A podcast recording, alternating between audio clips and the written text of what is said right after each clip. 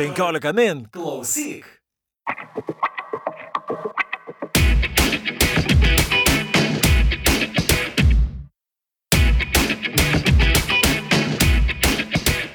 Sveiki, jūs įsijungėte 15 min klausyk podcastą apie technologijas ir gyvenimą - Technotronika. Aš esu Gediminas Galkauskas. Technotronikos podcastą palaiko Startup Lithuania, geriausias startuolių draugas Lietuvoje.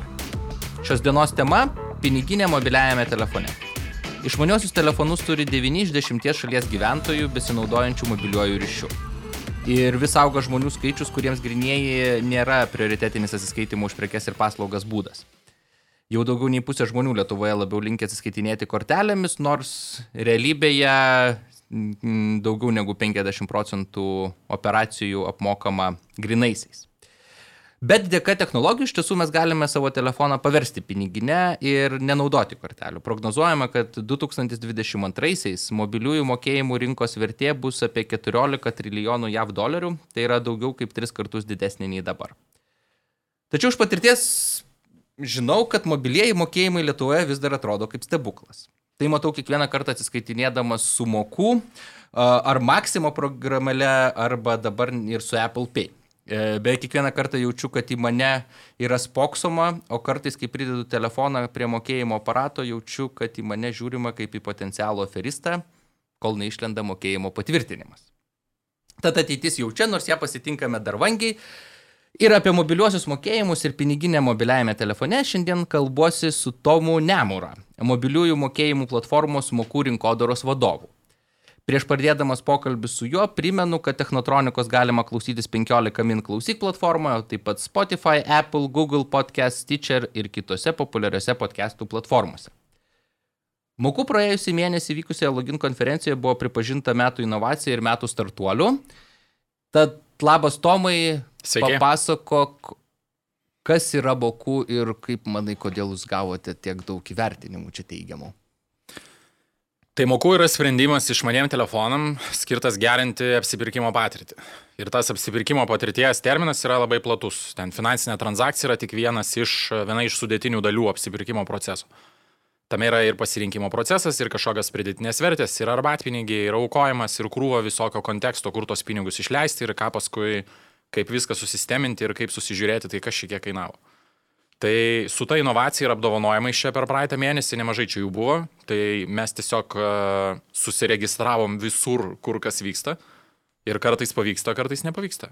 Toks uh, labai paprastas, sunku čia girtis ir, ir, ir sakyti, kad čia kažkas yra super wow.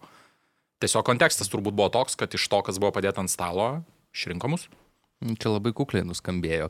Bet bet kokiu atveju, a, man atrodo, tai yra geras sprendimas, aš pas juo naudojuosi. Ir man labai įdomu, kaip lietuviai priima mobiliosius mokėjimus. Čia kaip pradžioje sakiau, kad visgi tai atrodo dar tam tikra egzotika, žvelgiant iš šono, kaip žmonės reaguoja į tai. Tai ką jūs matote? Į, tai priima priima ne taip, ne taip sparčiai, kaip, kaip norėtųsi, tai aišku, kad yra susijęs su įpročių keitimu ir niekas per dieną nevyksta. Skaičiais, jeigu žiūrėti, tie skaičiai atsiranda, turim 100 tūkstančių registruotų vartotojų, turim gerai virš 100 tūkstančių transakcijų per mėnesį, turim gerai virš ten kokių 400 tūkstančių dabar turbūt eurų per savaitę išleidžiamų pinigų. Ir, ir tie skaičiai konstruojasi. Matosi, kad pasitikėjimas didėja, išleidžiamos sumos auga, žmonės naudoja, moko vis didesnės vertės įsigymams, intensyvėja dažnumas.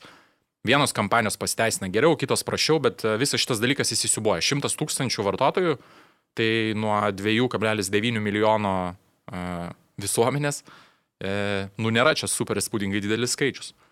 Jeigu žiūrėtumėm pagal atsiskaitimų įpročius tuos duomenys, tai irgi ten, vat, mes šimte plus tūkstančių transakcijų per mėnesį, kai kortelės per dieną sugeneruoja milijoną transakcijų.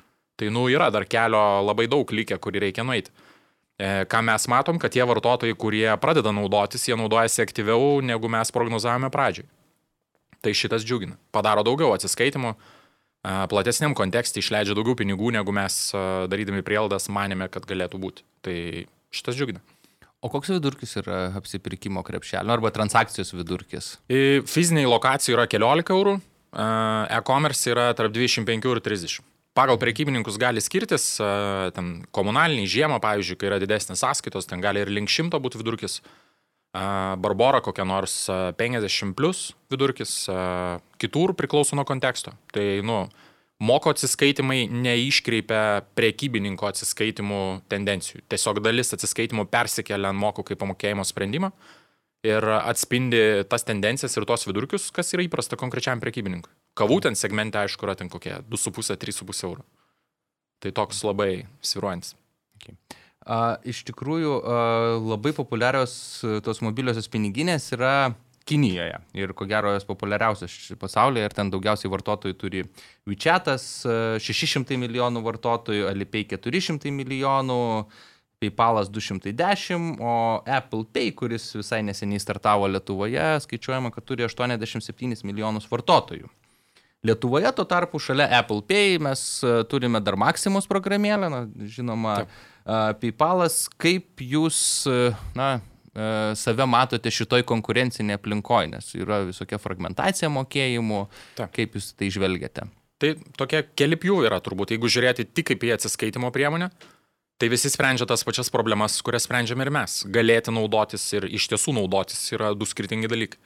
Tai, kad jis įgalina, pasileidžia naujas sprendimas, tai pirmi sušoka tie, kurie yra patys aktyviausi, senai laukia super nišinė auditorija. Tai žinoma, kad tokių žmonių yra, bet jų yra ten tūkstančiai, nu, dešimt plus gal, maks. E, Jeigu mes žiūrėtumėm platesniam kontekste, tai nu, mes nuo pirmos dienos suprantam, koks yra tas konkurencinis laukas. Neapgaudinėjame savęs, kad gyvensim iš e, komisinių nuo atsiskaitimų. Ir už tai mokų žiūrim gerokai plačiau negu tik į mokėjimo priemonių. Tai mes migruojame, nu, WeChatas turbūt yra geriausias pavyzdys, kur žiūrime. Ir migruojame link to, kas yra vadinama marketplace'as, kad galėtum naudoti mokų ne tik atsiskaitimams, bet ir mokų viduje įsigyti dalykų. Tai vat, e, pirmus dalykus dabar čia pastarąjį mėnesį galima, pavyzdžiui, nusipirkti Circle K kavos e, kuponų tiesiai mokų programėlį. Ką žmonės daro tarp 5 ir 8 valandų ryto. Ten po kelius šimtų žmonių per dieną. E, turbūt lovai, nežinau. O kodėl jie turi pirkti kuponą mokų, na šiaip tiesiog vat, pamastymui, o ne tiesiog, jeigu tu nuvažiuoji, vis tiek tu turėsi fiziniai vietoje išleisti. Žinoma. E, Tai čia toks e, galima būtų, nu, kaip technologiniam, tokiam jau gykiniam kontekste pajokauti, kad, e, nu, tai because you can. Tie vartotojai, kurie yra patys aktyviausi, jie tikrai išbando viską naujo, ką mes padedam ant stalo. Dalis dalykų prilimpa, dalis ne. E, Vienas iš motyvų, ką mes visą laiką stengiamės padaryti, pristatydami ką nors naujo, tai pridėti kažkokią tai papildomą motivaciją ant stalo, jinai dažnai susijusi su cashbacku, geresnė kaina ar dar kažko. Tai šituo atveju, A, yra įdomu pabandyti, kaip tai veikia. Nusipirktas kuponas realiai galioja ten berots mėnesį laiko. Tai nėra taip, kad šiandien pat turi nueiti ir tą kavą pasimti. Cashbackas padaro tai prasmingų sprendimų finansiniam kontekste. Aišku, ten keliasdešimt procentų nuo euras keliasdešimt nėra čia kosminės sumos, bet galint pasirinkti žmonės pasirenka. Tai manau, kad dalis yra smalsumo, dalis yra finansinės motivacijos, dalis yra šiaip to už mobilius mokėjimus judėjimo dalis tokio nelabai garsiai gal išreiškiama, bet e, aktyviausi vartotojai tikrai testuoja viską, kas, e, kas tik atsiranda. Aš galiu patvirtinti, aš esu prie tikriausiai tų aktyvių vartotojų ir kai moku, pavyzdžiui, mano giliai už komunalinės paslaugas ir, na, vienas dalykas prie to, kad man tikrai paprašiau telefoną atsidaryti ir nuskanuoti tą QR kodą ir, Taip. ir visą mokėjimą atlikti. Uh, tas cashbackas, jisai, na, yra motivacija. Nu, vis tiek Tai fainiau gauti atgal, kad ir eurą, negu jo negauti. Žinoma, mes tai vadinam perimimu prie kasos, kai mhm. žmogus išleis pinigus bet kuriuo atveju ir paskutiniu momentu padedi kažkokį incentivą ant stalo ir sakai, e, labai nedaug vertės, bet kiekvienam vartotojui. Ir labai dažnai tai yra, nu, to pakanka, kad migruoti. Šiaip objektyviai vertinant moko atsiskaitimo patogumą, online'as turbūt yra, nu, apskritai patogiausias kontekstas. E, Žinoma, yra tenais, e, yra sprendimų, kur galima susivesti korteles, jas išsaugoti ir patvirtinti krepšelio įsigijimą, CVV kodą suvedus trijų skaitmenų irgi atrodo labai paprasta. Bet e, labai daug e-komercijos e, šitą skatinimą išsaugoti kortelės duomenys dar tik pradeda daryti. Ir didžioji dalis reiškia, kad arba naudoja banklinkus, arba suvedinėja kortelės duomenys iš naujo, arba apskritai renkasi mokėsiu kurjeriui arba paštomatui atsimdamas daiktą. Tai moku šitam kontekste pamatyti QR ekrane, nuskanuoti dviem paspaudimais ir patvirtinti transakciją, ta patirtis tikrai yra labai patogi. Papild, bet vėlgi mes čia atsimušame tą patį, kad galėti tai daryti ir realiai daryti yra du skirtingi dalykai. Tai atsistoja, vad paleidai naują funkcionalumą, sakai, e-komercijoje atsiskaitimai bus labai patogus, jūs galite tai daryti. Tipinė reakcija yra tokia, mes galime tai daryti, ar patogu mes nuspręsime patys po to, kai pabandysim, bet tas suvokiamas barjeras technologinis, kurį turi perlipti, kad išbandytum naują, dažnai yra aukštesnis negu vertė, kurią žmogus supranta, kad gaus. Tada skainu gerai, o jeigu euras arba du, ir nesvarbu, kad ten nuo žiemą ten 50 plus eurų sąskaitų, tai yra, nu, procentaliai yra lašas jūrai, bet tai jau suveikia kaip motivatorius, nes e, tai yra, nu, garantuotas, e, garantuota graža, o ne ten kažkokia loterija, kur kažkur kažką galbūt laimės. Tai skirtingai tai veikia, online'as, kaip yra vienas iš patogiausių ir, ir mes puikiai matom, kad cashbackas tikrai yra ta priemonė, kur galima pažaisti. Tai pasaulyje e, pagal tyrimus e, atliktus žmonės iš tikrųjų e, keičia mokėjimo būdą, nu ką, kurį jie įpratę, dažniausiai pagal vieną iš šitų kriterijų. 44 procentams tai yra nuolaidos, Taip. 43 procentams tai yra atlygis, nu, tai tas cashbackas Taip. vadinamas, 19 procentų va, kuponai, kuriuos jūs irgi turite. Ne? Man įdomu, kai jūs įvedėt cashbacką, čia buvo na, vasaris. Nuo, vasaris, čia ne nuo pradžių, nes jūs startavote rūpjūtį. Rūpjūtį pernai, taip. taip. Ar paspartėjo adapt, nu, naudojimasis mokų programėlė tada, kai cashbackas? Tai vienareikšmiškai.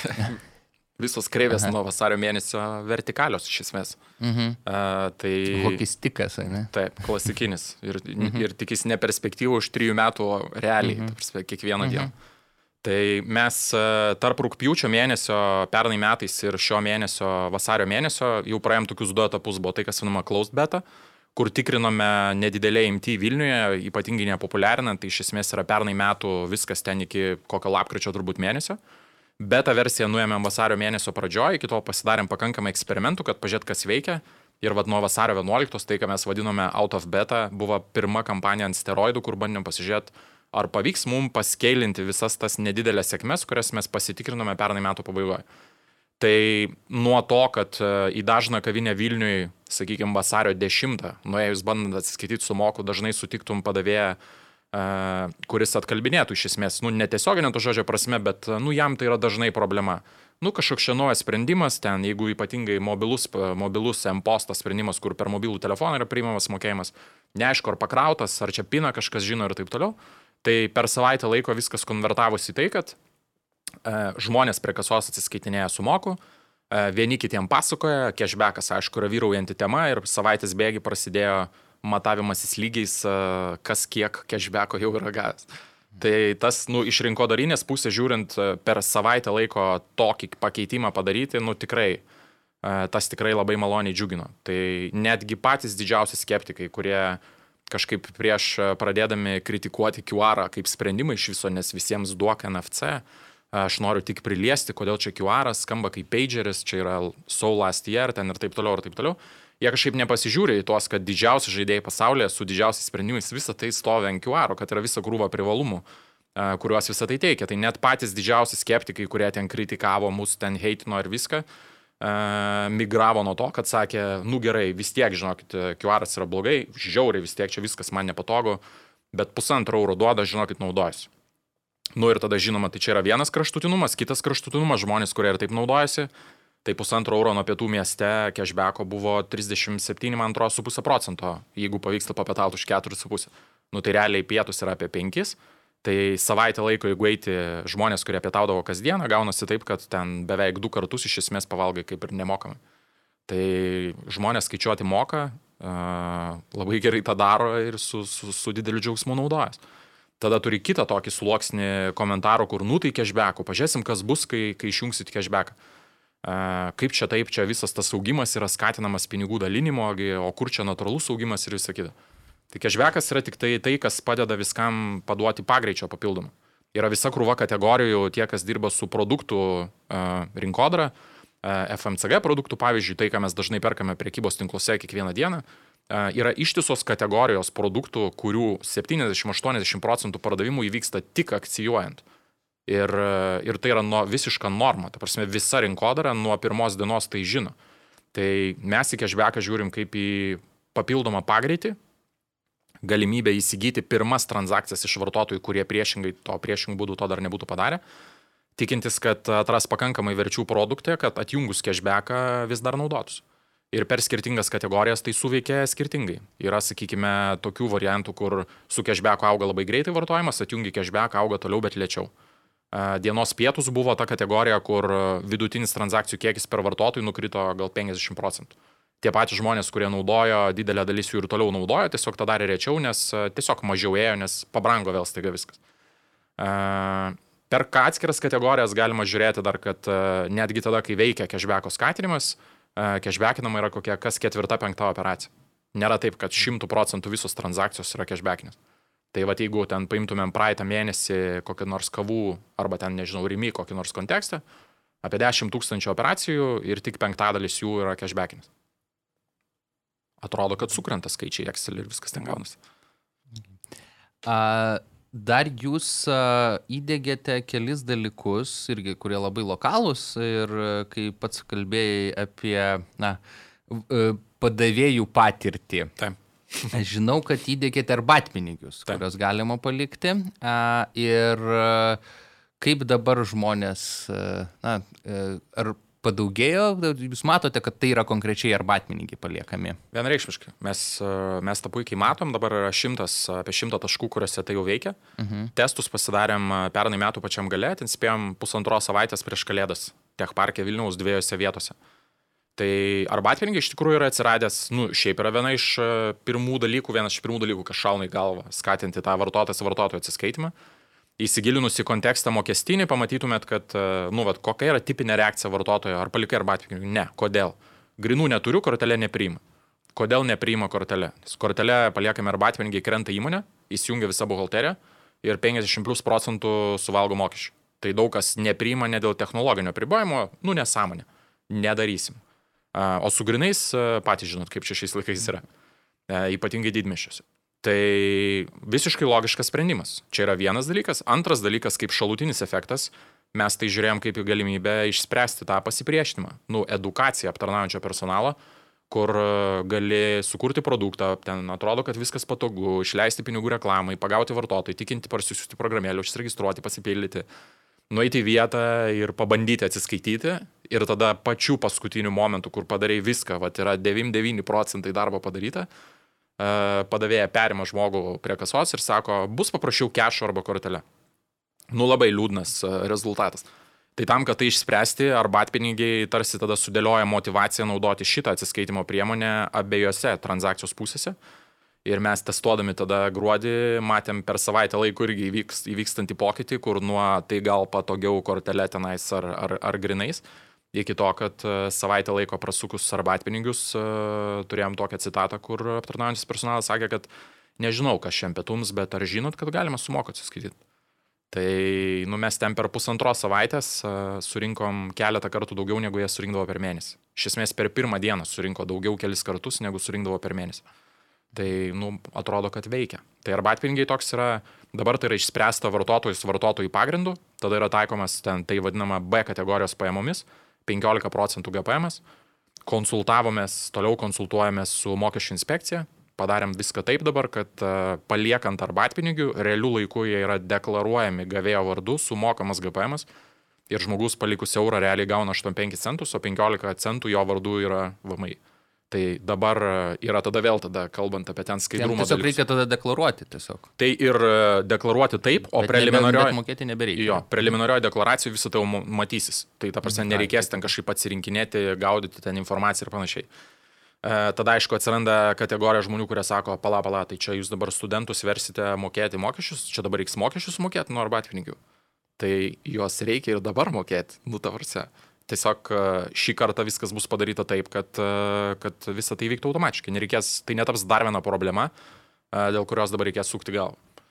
Tai veikia, džiaugiamės, turim šimtą taškų, ambicija yra iki rugsėjo mėnesio per visą Horiką Vilniui paleisti, kad rugsėjo mėnesį būtų visur, kur yra mokų kavinėse, restoranuose, visur būtų galima tą padaryti. Apskritai, tas, sakykime, grinųjų vartojimo mažėjimas sumažino na, ne tik uh, galimybę palikti arbatpinigius, uh, sumažino galimybę ir aukoti. Štai uh, Didžiojoje Britanijoje yra tokia organizacija Greater Change, uh, kuri uh, da, rūpinasi benamiais ir elgetaujančiai žmonėm ir jie labai nukentėjo nuo to, kad žmonės na, nebesinešioja atliekamos gražos ten kelių centų. Ir jie dabar kartu su Oksfordo universitetu pasiūlė benamiams turėti irgi QR kodus, kurie turi savo sąskaitą ir žmonės tiesiog gali nuskaityti ir paukoti čia taip iš telefono. Ir žinau, kad netgi Lietuvoje ir tokia šiaip konservatyvi institucija kaip bažnyčia pradėjo irgi kai kurios surinkinėti ne tik grinaisiais, bet na ir kortelėmis jau priminėja, ir mobiliaisiais mokėjimais. Tai žinau, kad jūs irgi padarėte ir aukojimo galimybę aukoti. Ir klausimas tada, na, kokiais na, intencijom, kokiam vadovaujantis jūs tai padarėte. Tai vat, aš nuo toliau biškai pradėsiu, grįšiu prie to QR ir privalumų, kurie atsiranda šalia mokėjimo priemonių, kai jau turi kodą, kuris inicijuoja mokėjimo operaciją tai tą kodą tada labai greitai sugalvoji, kad tai iš esmės tai gali gali dėti bet kur. Lauko reklamą, spaudos reklamą, ant lapo popieriaus, e, bet kur iš esmės. Ir šito QR kodo nuskanavimas e, suformuoja mokėjimo operaciją iš anksto numatytai sumai, patvirtini, pinigai išėjo. Tai reiškia, kad e, aukojimas tai gali būti spontaninis, kad visi audorai ir lauko reklama, ir, visa lauko reklama, spaudos reklama, apskritai visa reklama, kuris skatina žmonės padėti vienai ar kitai labdaros organizacijai, nuo šiol ne tik tai pristato ir nu, aktualizuoja problemą, bet ir konvertuojasi į pinigus. Tas pats lauko stendas taiga gali rinkti paramą jam įdėjus QR kodą. Mobiliam sprendime yra taip vadinamas deep linko sprendimas, kur paspaudi nuorodą, jos paspaudimas pakelia moko aplikaciją, suformuoja mokėjimo operaciją ir sekančių paspaudimų vartotojas ją patvirtina. Tai mes iš esmės, ką tai leidžia padaryti, tai leidžia eliminuoti vieną iš tarpinių žingsnių visoje elektroniniai komercijai pamačiau stendą arba lauko arba spaudos reklamą, man nebereikia eiti kažkokiu adresu, kad dėti į krepšelį ir įsigyti, aš galiu iš karto įsigyti. Ir žinoma, kad tas tinkamiausia yra skaitmininiam produktam. Tai vad labdara parama yra vienas iš paprasčiausių išsprendžiamų dalykų, nes uh, nėra jokio atgal duodamo daikto, nėra jokio, nėra jo, neįvyksta jokia konversija. Žmogus tiesiog išsiuntė pinigus ir viskas, jie suvaikščioja akimirksniu uh, ir, ir tiek. Šiek tiek komplikuočiau yra, pavyzdžiui, su bilietais renginį. Lygiai tą patį galima daryti, pardavinėti bilietus į festivalį tiesiai nuo lauko stendo, spaudos reklamos ar reklaminio skidelio. Tik čia jau atsiranda papildomų dalykų, nes turi tada pateikti vartotojui bilietą kažkaip, mes jį ten dedam į kokią nors mokėjimo paskirtį, kaip PDF dokumentą, atsiranda sutikimo visokių klausimų ten ir tas kontekstas yra platus. Bet e, aukojimas yra kaip lengviausiai realizuotas uh, QR šalutinis uh, toks privalumas, kad jį gali tada dėti bet kur, jos skanavimas inicijuoja mokėjimo operaciją ir tai tinka visai skaitmenai, įskaitant labdarą, kuri, kaip sakiau, kadangi atgal nieko neduoda, išskyrus moralinį pasitenkinimą, tai nu, labai paprastai išsprendžiama. Ir žmonėms labai patinka, kad jie gali labai paprastai kažką tai padaryti. Taip, e, du paspaudimai ir, ir važiuojam. Per tris savaitės, man atrodo, testavom, va čia kaip tik baigėsi dabar vakar ar tai už vakar kampanija, kurią čia tokia nedidelė buvom padarę. O kokia kompanija tai buvo? Kampanija buvo? Ir tam, kad kuo daugiau žmonių išbandytų šitą aukojimo principą, mes suformavome vieno cento paramos galimybę, bet kadangi vieno cento parama skamba kaip šioks toks, kaip čia, nužeidimas turbūt, nežinau Tai sakėm, už kiekvieno unikalaus vartotojo paramos šitą transakciją mes pridėsime kaip facilitatorius šito sprendimo 50 centų. Tai per 3 savaitės žmonės 12,5, man atrodo, apie 12 tūkstančių transakcijų padarė per 3 savaitės. Ir visa tai yra be jokios masinės medijos, tai yra tiesiog reklaminiai skideliai programėlėje, reklaminiai skideliai šiek tiek jų internete, tame tarpe 15 minučių ir, ir, ir galbūt landing page'as koks nors vieno, įsivaizduokit šito funkcionalumo naudojimą vieno produkto e-shop'e. Landing page'as, kuris šiaip turėtų sakyti, kad pat pristato produktą, tada žmogus deda į krepšelį, tada pradeda čekauto procedūrą, ten ir taip toliau, ir taip toliau. Įsivaizduokit, kad e, jeigu tas produktas yra skaitmeninis, jokio krepšelio ir čekauto nėra. Yra QR arba nuoroda mobiliam telefonui, jeigu vartotojas žiūri per mobilų, nuskanavai QR arba paspaudai nuorodą ir nusipirkai. Čia labai turėtų konversijos išaukti, nes iš tikrųjų kiekvienas, kas dirba su e-komercija, žino, kad kiekvienas žingsnis papildomas Taip. iki Žinoma. susimokėjimo Taip. yra na, papildomi nukritę procentai. Taip. Tų, ir, tas, ir ta konversija tikrai išauktų dešimtimis kartų, tik tai tiek, kad mes su šimtų tūkstančių vartotojų kol kas uh, esame, nesame ta kritinė masė. Nu, per kitas vietas nesigaus absoliutiniais skaičiais uh, dideli skaičiai, nes vartotojų kol kas dar nėra daug. Tai bet šiaip sukritus viskam, tai tam moku tapus masiniu atsiskaitimo būdu, e, toks sprendimas iš tikrųjų tas konversijas, manau, kad dešimtimis kartų pagerintų. To jau pratęsime pokalbį su Tomu, o dabar trumpa informacija. Jei išklausai tiek, greičiausiai tau patinka ne tik tema, bet ir podcastai. 15 min klausyk mobilioje programėlėje gali rasti dar daugiau podcastų. Parsisius 15 min klausyk iš App Store ar Google Play. Arba įsijung 15 min LT pasvirasis brūkšnys klausyk savo kompiuteryje. Ir dar visai neseniai pradėjau leisti savo naujienlaiškį su podkastų rekomendacijomis. Kiekvieno mėnesio pirmąjį penktadienį siunčiu rekomendacijas apie technologijas, marketingą, popkultūrą, verslą, žmonių elgesį ir bet kokia kita tema, kuri man pasirodys verta dėmesio. Daugiausiai podkastų yra anglų kalba, bet jei įdomu, užsisakyk adresu bit.ly pasvirasis brūkšnys audio istorijos. Ši nuoroda bus ir podkasto aprašyme visose platformose, kur beklausytumėte. O dabar grįžtame prie pokalbio su Tomu.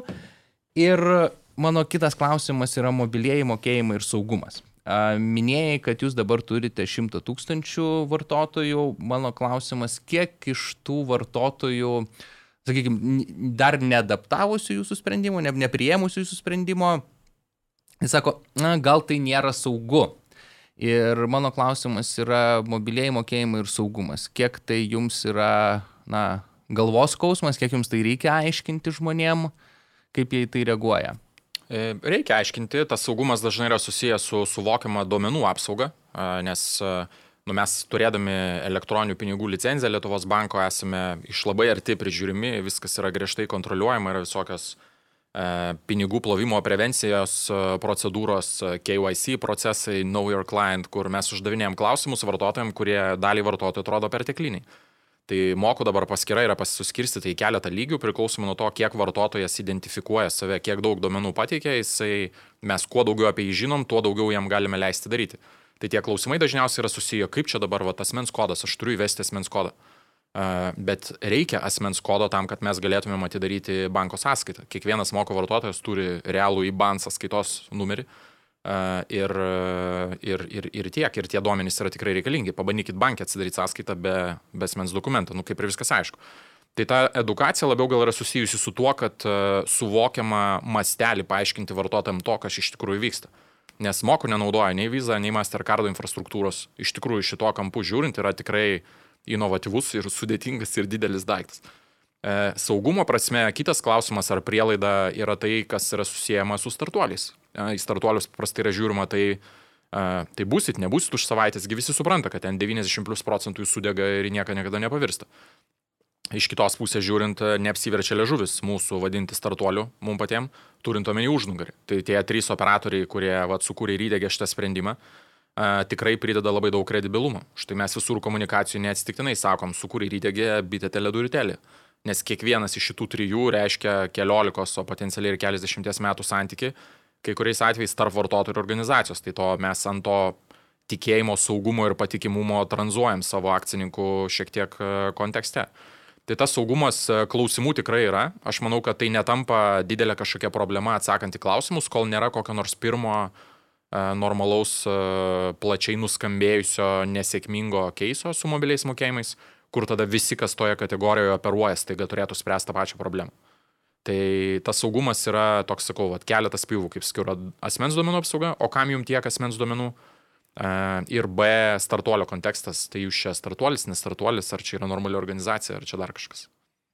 Ja, startuoliai turi tą, nes čia buvo kažkada tai, na, socialinių tinklų burbulę diskusija apie tai, kad revoliutas va, labai nereikalauja daug to Ka. KYC, naujo kastume ir, ir, ir labai lengvai e, tam tikras sąskaitas atidarinėja ir e, kai ateini iki banko, e, labai žmonės pradeda piktintis, o kiek čia bankas reikalauja, Ta. bet nu, čia yra būtent dėl, dėl saugumo ir gal pradžioje reikia verta duoti daugiau tų duomenų dėl paties saugumo. Jo labiau, kad man atrodo, mobilieji mokėjimai ir pasižymi tuo, kad yra saugesni, nes galų gale jokios kortelės, na, jeigu tu pridedi kortelę, Taip. tai jau tas pardavėjas, sakykime, jo paslaugos pardavėjas, už kurią tu moki, jisai nemato tų duomenų kortelės, kas paprastai, ką tu gali, čia aš atsimenu dar iš senų laikų, kai tik tai kreditinės kortelės, na, pradėjo populiarėti Lietuvoje.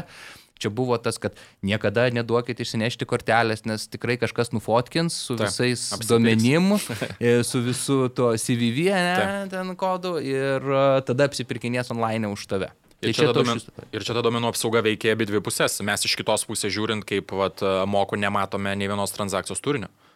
Matom datą, laiką, sumą. Nežinom, ką žmogus pirko ir niekada nežinosim. Tai toks, nei mes periminėjame informaciją iš priekybininko, kuris atsiskaito, nei priekybininkas periminėja iš mūsų. Nu toks e, dvipusis, į abi dvi pusės ta apsauga domenų veikia. O ar tai negali būti, kad, e, na, e, pats minėjai, kad žmonės, na, prašo, kad stebisi, kodėl reikia tiek daug duomenų duoti, kad, na, apskritai, kai yra toks lengvas sprendimas, atrodo, na, atsiskaityti. Tai atrodo, kad, na, kam čia duoti, nes ir taip labai lengva, o kai bankas, Taip. nu, tu žinai, kad jau su banku tu eini pradiškai kaip į santoką, nu, tenais, tai daug, kad tenais jam atiduodi. E, kaip e, tada apskritai tie mobilieji mokėjimai keičia suvokimą apie pinigus? E, štai teko skaityti, kad Berots Ilinojaus universitetas Amerikoje yra padarę na, kinų studiją, Kinijoje studiją kaip Vičiato vartotojai, ten, kur šiso ten Vičiatas kaip labiau kaip ekosistema ir Taip. ten viską gali daryti. Tai mobilieji gebėjimai, tai yra galimybė atsiskaityti mobiliaisiais mokėjimais išaugino beveik 3 procentais. Na, transakcijų skaičių ir, ir krepšelio vertę. Na, vien tik tai tai. Na, lygiai taip pat nukrito maždaug per tiek procentų ir naudojimasis kreditiniam kortelėm, na, mokėjimo, tai čia tas ant to. Bet e, ar kažkaip tai mes lengviau leidžiame tos pinigus, jeigu tai yra mobilieji mokėjimai, nes tas, kai tu neturi kešo ir... ir, ir... Tai tokias dvi pusės, man atrodo, ir aš, aš bent jau asmeniškai su dviem stovyklomis susidūręs. Viena, kuris sakydavo, kad e, visas bankų komunikacija, visa apie tai, kad naudokit korteles, čia yra samokslo teorija, nes tu nejauti svorio, kiek išleidi ir tada turi tą momentą, kai atsistoji prie banko ar ten prie bankomato ar programėlė atsidarai, tikiesi likutį pamatyti kažkokį ir pamatai visada žymiai, žymiai mažesnį, nes nereikia išsitraukti iš kišenės pinigų ir paduoti, tu tiesiog swipini kortelę ir fire away, kaip sako. Iš kitos pusės, kita stovykla, nu, čia vienas toks kraštutinumas, kita stovykla sako, kad bet kai tu išleidi kešą, čekiųgi nerenki, tu nežinai, kur neatsiminsi, kur ką išleidai ir apskaitai tokiam va asmeninio biudžeto valdymui yra nepalyginamai patogiau turėti kažkokį skaitmeninį sprendimą, kur kiekviena transakcija nugula. O jeigu dar paskui yra patogiai apdorojama ir gali pamatyti, kur kiek išleidai per mėnesį, tai viskas dar supaprastėja. Tai man atrodo, čia kiek žmonių yra tiek nuomonių, visą laiką bus visokių. Bus tokių, kurie darys viską, kad nereikėtų kešo. Ir po šiai dienai čia reiktų bankų iš tikrųjų paklausti, koks procentas, bet manau, kad jis nebus viena, viena ženklis. Žmonių gavę atlyginimą bankomate nusiema viską iki nulio ir operuoja pinigais. Grinais pinigais, ta prasme. Tai, nu, visokių yra ir, ir, ir turbūt tai yra normalu.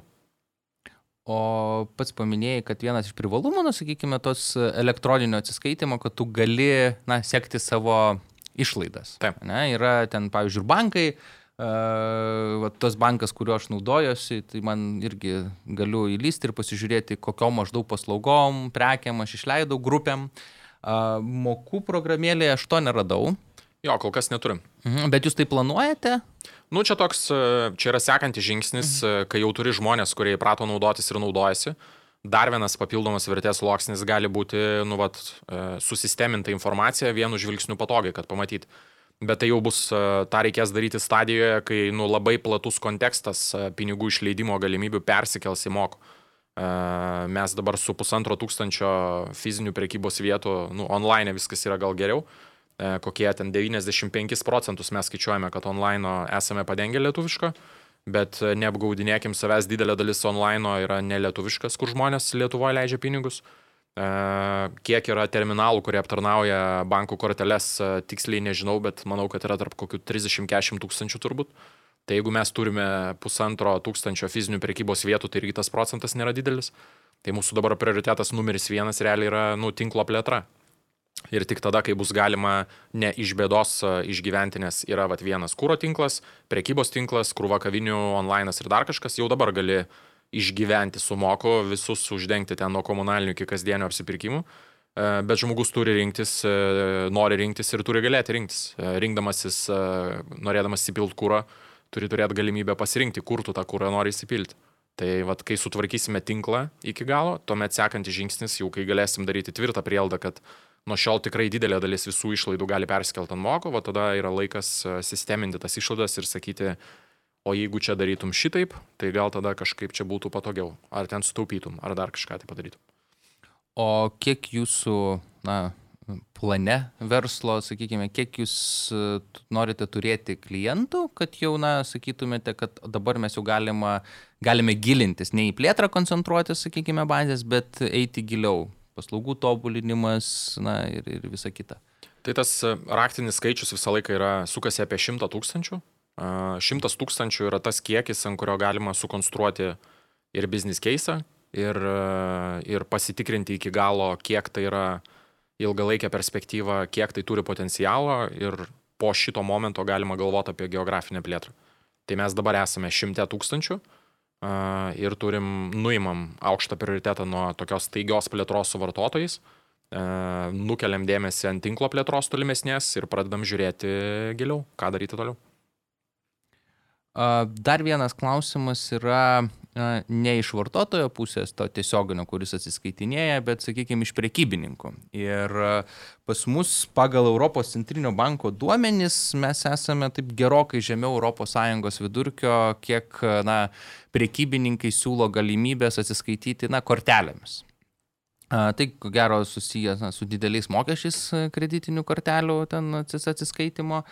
Ar jūsų manimų būtent mokų gali padėti na, tą kešą išgyvendinti iš vat, prekybininkų vietų toksai sprendimas ir tuo pačiu sumažinti šešėlį? Priklausys nuo konteksto. Smulkiam verslui tai atrodo, kad labai patogu, nes viskas, ko reikia, yra telefonas veikiantis Android pagrindu ir gali priimti mokėjimus e, vidury lauko. Nu tai ten visi maisto vagonėliai, festivaliai, nedideli renginiai, ten kažkokie nedideli, nedidelių sumų, va tokie dalykai. E, tai čia atrodo, kad labai patogu. Tau nereikia skaičiuoti, e, viską matai susisteminta, kas sumokėjo, kiek sumokėjo, labai patogu, nereikia kažkokios infrastruktūros e, ir kitų dalykų. Pas didesnius prekybininkus tai aišku yra viena iš, nu, tai ir smulkiam verslui, ypatingai jeigu tai yra vat, jaunesnį vartotoją orientuotas dalykas, e, galima būtų pasakyti, kad mokų galėtų būti vienintelis būdas e, priimti mokėjimus ir tas nesukeltų kažkokio didžiulio ten ažiotažo ar nepasitenkinimo. E, pas didesnius prekybininkus be abejo mes galim būti vienas iš ir klausimas yra ne grinais ar moku, bet greičiau yra kortelė ar moku. Tas, kuris yra pripratęs prie grinų, prie grinų pinigų, jam konversija į mobilius mokėjimus yra nužymiai sudėtingesnė. Jeigu jis nebūtų dėl kažkokių priežasčių prisirišęs prie grinų pinigų, tai matyti ir kortelėmis naudotųsi. Nu, ir mes tada susidursim su tom pačiom problemom, tam, kad paskatinti jį naudotis, dėl kurių jis nesinaudoja ir kortelėmis. Tai kiek čia to kešo padeda iš tikrųjų stūpyti, mes girdim atsiliepimų iš vartotojų. Uh, tipinis uh, tokios nustebusiai geros reakcijos kontekstas būna toks, kad nuvarėjau parduotuvę, pamiršau piniginę. Ta, susivoki, kad pamiršai tai prie kasos visada, kai ten jau viskas yra. Tai jeigu pataikiai su priekybos tinklu, tai piniginės nereikia. Ištraukiai telefoną ir susimokėjai. Uh, ir, tą, ir, ir, ir tą žmonės sako ir to džiaugiasi. Bet tai nėra alternatyva, jeigu jis būtų nepamiršęs piniginės, tai nereiškia, kad jisai būtų kešo atsiskaitęs. Jeigu nemoko, aš manau, kad uh, reiškia, yra kortelė. Uh, su kešu yra sudėtingiau. Vilniui visi mes turim savo kažkokį tai socialinį tą burbulą aplink save. Uh, mes vat, vasario mėnesį padarė čia tą didesnę Horekos kampaniją, galvom, nu gerai, dabar Kaunas, balandį paleidžiam Kauną. Ir su pirmais klausimais susidūrėm iš karto, kai pardavėjai mūsų skambinosi per prekybininkus, važiavo, kalbėjo ir sakė, nori pasiūlyti atsiskaitimo būdą, štai darytumėm tokią kampaniją, Vilniui pasiteisino. Turėjomgi kavinių Vilnių, kur apyvarta ten 30 plus procentų išaugo per kampaniją. Ne mūsų moko atsiskaitančių, bet apskritai apyvarta. Nu tai reiškia, naudos yra ir pačiam verslui. Ir tikrai dažnu atveju išgirdavo atsakymą, kad viskas fainai, bet žinokit, mums kešas yra labai svarbu. Ir visi supranta kontekstą, kodėl taip sako. Ir tai yra, nu, maitinimo šitam sektoriui, kur verslas gali būti vienos, dviejų kavinių, tai yra, nu, kol kas sunkiai išgyvendinamas dalykas. Pas didesnius prekybininkus, kur mastas yra didesnis, kur yra tinkliniai sprendimai, ten aišku, senai viskas yra sutvarkyta. Ir tuomet gali būti taip, kad eliminuojant grinus pinigus, jie gali išspręsti kitas problemas. Mat yra pavyzdžių, kur kavos tinklinių sprendimų, kuriuose nėra galimybės sumokėti cash. Ir e, tikslaus skaičiaus negaliu pasakyti, bet e, kiek teko girdėti, apyvarta yra išaugus e, ar ne 20 procentų, išjungus cash. Ir ne dėl to, kad žmonės pradėjo daugiau kavos gerti, dėl to, kad tas cashas kažkur dingdavo. Tiesiog visiškai normalu. Uh, tai manau, kad tinkliniuose sprendimuose, kur, yra, kur viskas yra sutvarkyta, kur nėra jokių grinų, juodų pinigų, ta prasme grinų pinigų, uh, Ten viskas yra paprasčiau, ten mes konkuruojame su kortelėm. Jeigu turime pridėtinių verčių, pakankamą kiekį tam kontekstui žmonės mielai naudojasi. Su grinais pakonkuruoti yra labai sunku, nes e, problemos yra nepalyginamai gilesnės. Kiek yra tekę dirbti ir komunikacijos kontekste su mokėjimų sprendimais, e, vienas iš klausimų socialinėse medijose kartais, kurį žmonės užduoda, tam tikras turbūt kontekstas žmonių, kurį užduoda kreipdamiesi dėl sprendimo, yra ar antstoliai gali prieiti prie informacijos, ar VMI gali prieiti prie informacijos. Ir tu supranti, kad e, nuliūdnas yra to žmogaus tiesiog kontekstas ir viskas. Ir grini pinigai jam yra vienintelis būdas uh, kažkaip suktis. Priešingų atveju yra visa krūva interesų, kurie yra išsirikiavę eilę, turbūt laukia virtualių pinigų, kuriuos išsidalins. Patenkinimo. Taip. Okay. Ir pabaigai norėčiau išgirsti paties nuomonę, kur juda apskritai tas, na, E, cashless anglai turi tą angliškai, tą be ne, negrinųjų visuomenę, sakykime, aš visą laiką, kad, tarkim, Švedijoje atsidūręs, man, man tai labai patinka. Ten nereikia kešo, gali labai gerai gyventi, a, neturėdamas ten gali visur atsiskaitinėti ar kortelėmis. A, Dabar netgi jau testuojamos technologijos, kur, na, jau čia Amazonas turi parduotuvės, kur apskritai tau nieko nereikia, tu ateini, ir išeini tiesiog Taip. apsipirkęs. Žinau, kad Lietuvoje uh, planuojama testinė parduotuvė didžiojoje gatvėje šiais metais uh, pasileisti, kur lygiai taip pat bus galima apsipirkinėti. Tai klausimas, kur apskritai juda mokėjimų industrija, kaip, kaip mes mokėsime ateityje ir kada mes atsikratysime to kešo. Mokėjimų industrija tai juda link to, kad bet kuris e, mokėjimų sprendimas supranta, kad kai jau pripratinai vartotoją naudotis, pirmas dalykas, ką gali pasiūlyti už visiškai kitokius e, komisinius, yra pasiūlyti pavaryti į minusą. Tai yra ar tai kredito liniją atidaryti, suteikti kažkokią tai paskolą, įgalinti žmogų išleisti daugiau, net ir tuo atveju, jeigu jisai šiuo metu daugiau neturi. Tai mūsų kontekste mes mažindami barjerą, operatoriai leidžia iki 50 eurų į ryšio sąskaitą įtraukti, tai yra absoliučiai nemokama ir tai yra tam, kad tas išbandymo barjeras būtų mažesnis. E, platesniam kontekste, tais atvejais, kai vat, mobilių mokėjimų sprendimas yra išsukamas ir parduodamas, tie, kas nuperka, dažnai argumentuoja motivaciją vartojimo finansinius instrumentus paleisti. E, tinka labai daug dalykų, ten viskas, kas yra susijęs su draudimu, nuo įrenginio iki kelionių, iki ten visko kitko. Viskas, kas yra susijęs su vartojimo finansiniais produktais, paskolos, kredito linijos, ten visi šitie reikalai, skaidimas dalimis, tai, kas yra suvokiama kaip, e, nu, ką mes seniau turėjom direct debitą, mes kaip rinka dabar neturime. Mes atsvarstom alternatyvą, tokią savotišką evoliuciją, kad galėtum dalimis sumokėti už kažkokį pasirinktą objektą per 3-4 mėnesius fiksuotom sumom. Arba fiksuotą sumą mokėti kartą per mėnesį pasirinktą periodą. Tas kešlės formatas parduotuvių, aišku, kaip visada yra prasidėjęs gal e, kitoje Atlanto pusėje, bet e, taip pasižiūrėjus giliau, jis dabar įgauna kitą prieskonį. Uh, pradeda atsirasti susitarimai niekada nedaryti parduotuvių, kurios yra visiškai kešlės. Nes pakapšius giliau paaiškėja, kad tai kaip tu tada atsiskaitysi kortelėmis. Tai kortelėmis tai turi turėti sąskaitą krūvą dalykų. Ir tada pasižiūrėjusi visą nu, sociologinį portretą visos šalies, žinoma, kad yra visa krūva žmonių, kuriems tai nėra jokia problema ir tai yra kasdiena, bet bet kurioje visuomenėje yra pakankamai nemažai žmonių, kurie negali sauliaisti to tiesiog ir viskas. Uh, ten, sakykime, kredito kortelę, kad turėtum, turi turėti pakankamą reitingą, nesusigadinęs jo būti, neturėti skolų kažkokių, kažkokios blogos istorijos ir krūvos dalykų. Ir jeigu tu neleidi tokiam žmogui atsiskaityti grinais, kurių jis galbūt turi, tu iš esmės jį diskriminuoji. Ir už tai šitos kešlės formatas 100 procentų, kuris yra kešlės, paskutinius kelius straipsnius, kuriuos skaičiau, tai kalba apie tai, kad jis niekada iki galo nebus kešlės, kol neišspręs šito klausimo. Jeigu žiūrėtumėm į tuos, kuriems tai nėra problema, tai aišku, kad žavi galimybė sugaišti kiek įmanoma mažiau laiko tiems dalykams, kurie yra super techniniai ir, ir kurių galėtų galbūt iš vis nebūti. Kaip tai susiję paskui su vartojimo į, nu, įpročių keitimus, ar nepradėsim išleisti daugiau ten, kur būtumėm išleidę mažiau, kas prekybininkams visada į temą, bet tokio asmeninių finansų drausmės prasme netrodo super galbūt gera idėja. Tai aš manau, kad priemokų, vat visą įmant mobile paymentų segmentą, uh, visi migruoja nuo to, kad yra tik atsiskaitimo priemonė. Jie bando ne tik įgalinti atsiskaitimą, bet ir parduoti kažką. Ir ten va, draudimas ir finansiniai instrumentai, kaip sakau, yra pirmi pasirinkimai. Galbūt visą tai pereis prie prenumeruojamų paslaugų ir prenumeruojamų produktų, kur va, turėsi subscriptioną, kam tik tai nori. Ne tik tai skaitmeniniam turiniui, kaip dabar, ar ten kažkokiam paslaugom, bet galbūt ir produktam. Fiksuotam krepšeliui kas x laiko. Ten dantų šepetukus užsiprenumeruoti galima, aš jau nežinau kiek laiko Amerikiečiai nuvažiavę ten į kokį Italiją vyno namus užsiprenumeruoja vyno kartą per mėnesį. Gauna dėžę vyno, visada skirtingo, visada žino, kiek kainuos, skaičiuoja nuo kortelės. Tai visas šitas vieną kartą nusprendė ilgai naudojasi žanras, ateina į visur ir mobiliai mokėjimai manau, kad yra tikrai neišimtis. Ačiū Tomui už labai įdomų pokalbį ir už labai įdomią informaciją. Aš primenu, kad Technotroniką galima klausytis 15 min klausyk platformoje, o taip pat Spotify, Apple ir kitose populiariose podcastų platformose. Kitas Technotronikos epizodas išeis po dviejų savaičių. Iki.